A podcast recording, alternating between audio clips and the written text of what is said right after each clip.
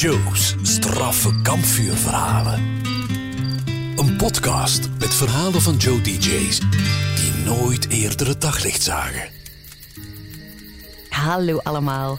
Ik ga nu eens een echt typisch Anke Buckings verhaal vertellen. Als jij geregeld naar de ochtendshow luistert van Joe, dan weet je dat er mij altijd van alles overkomt. Dan ben ik mijn huissleutel kwijt, dan verlies ik mijn autosleutel, dan stuur ik een mail naar de verkeerde persoon over die persoon. Dan loop ik rond met maar één brilglas in mijn zonnebril. Enfin, het is altijd wel iets. Dan vergeet ik mijn baby in de crash. Nee, is niet waar. hè. Dat is mij nog nooit overkomen, dat is een mopje. Maar ik heb één verhaal nog nooit verteld op de radio.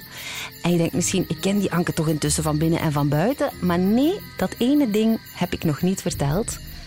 Het speelt zich af in de zomer van het jaar 2000, 20 jaar geleden dus. Ik was 20 en ik woonde toen nog bij mijn ouders. En ik vulde mijn tijd met wat vakantiewerk, nachtwerk in fabrieken, want dat leverde de meeste centen op waarmee ik dan op eh, busreis naar Hotel Annabel in Lorette de Mar kon gaan. En eh, ja, mijn vrije dagen zat ik wat te lummelen, wat te hangen voor televisie. En het was op een lummeldag. Het was ergens halverwege zo'n lummeldag dat ik ineens naar mijn handen keek en mij kapot schrok. Want mijn handen, die waren ineens blauw geworden. Niet smurfenblauw, maar wel ja, zeker niet huidskleurig. En ook niet zo van die, van die adertjes die je ziet lopen op de bovenkant van je hand. Nee, het was echt, mijn handen waren lichtblauw. Boven- en onderkant. En ik zie dat en ik denk, oh my god, dit is niet oké. Dit is absoluut niet normaal. Ik word lijkbleek, behalve mijn handen, die blijven blauw. En ik dacht, maar hé, hey, waar komt dat ineens vandaan? Want ja, ik zat dus te lummelen. Ik was niet aan het verven. Eh, ik was niks anders aan het doen in het huishouden. Ik was ook geen druiven of zo aan het snijden. Dus ik begin te flippen en ik roep op mijn mama. Mama, mama, mama. Dertig keer, hè? je kent het wel, zoals een kleuter van vijf dat ook doet. En mijn mama zat op het toilet en ik echt aan die deur, mijn hand al zo achter die deur steken, dat ze mijn hand alleen kon zien. Mama, mama, ik heb blauwe handen. En mijn mama, ja, die blijft rustig, zoals het een, uh, een goede mama betaamt. Die begint niet te flippen zoals ik. Um, maar het ding is, twintig jaar geleden, dan googelde je nog niet. Uh, toen bestond dat al, maar niemand deed dat. En ik, ja, qua internet, ik zat dan op de chat van VT4 en Donna, maar dat was het enige dat ik deed op de computer. Dus iets opzoeken en een, een antwoord op je vraag vinden, dat, dat bestond toen nog echt niet. En maar goed, want ik ben best een hypochonder, dus ik had zeker wel iets van info gevonden, hè, dat die acute blauwe handen gelijk staan voor uh, op sterven na dood of zo. Maar bon, mama zei wel van, ja, bel dan toch maar eens naar de dokter, maak een afspraak. Hè, want dat deed je dan, als je het had, iets medisch, dan ging je naar de dokter. Dat moest toch telefonisch. Online afspraken bestond ook nog niet. Ik een en al paniek aan de telefoon met de doktersassistenten. Ik wou liefst van al gewoon direct op de fiets springen en gaan. En voorkruipen bij iedereen, want ja, ik was duidelijk een noodgeval. Helaas moest ik nog twee uur wachten, want de dokter had middagpauze. Dat doe ik nog. Dus twee uur lang dacht ik dat het gedaan was. Dank u, Kings. Amper twintig lentes jong. En mijn leven zat er al op. Tju toch. Bon, uiteindelijk zit ik in die wachtkamer. Uh, ja, en daar zit je dan, hè. Met je blauwe handen in het haar. Doodsbang voor de diagnose van de dokter. En als ze je dan roepen, hè, dan is het helemaal sterven. Mevrouw Buckings, kom maar door.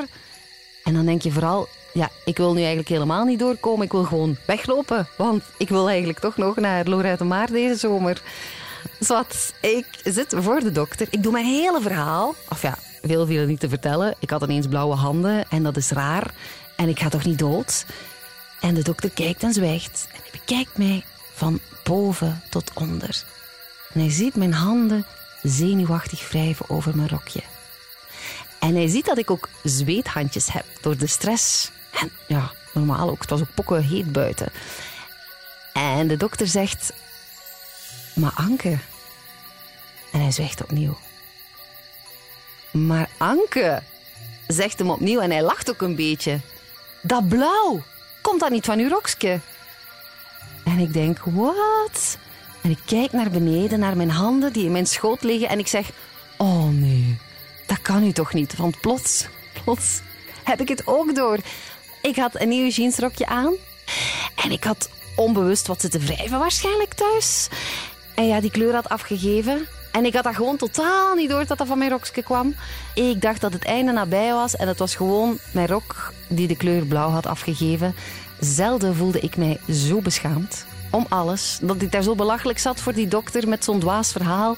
Dat ik al uren ongerust was. Dat ik mijn mama op de wc had lastiggevallen voor zo'n prul. Zo, zo gênant. Enfin, ik, eh, ik heb mijn handen dan nog daar gewassen bij de dokter. En in een wip was alles voetzie. Het schaamtegevoel is helaas nooit meer weggegaan. Het is mij nooit meer overkomen en het zal mij ook nooit meer overkomen. Ik denk in het vervolg wel twee keer na, vooraleer ik nog eens met een tussen aanhalingstekens ernstig uh, medische aandoening bij de dokter beland. Maar voilà, ik zei het dus in het begin van mijn verhaal. Het is een typisch ankebukkingsvoorval. Het begint angstaanjagend en het eindigt met een sisser. The story of my life. All day, Deze podcast is een samenwerking tussen Decathlon en Joe. Luister naar Joe op je radio, DAB+, de Joe-app en joe.be.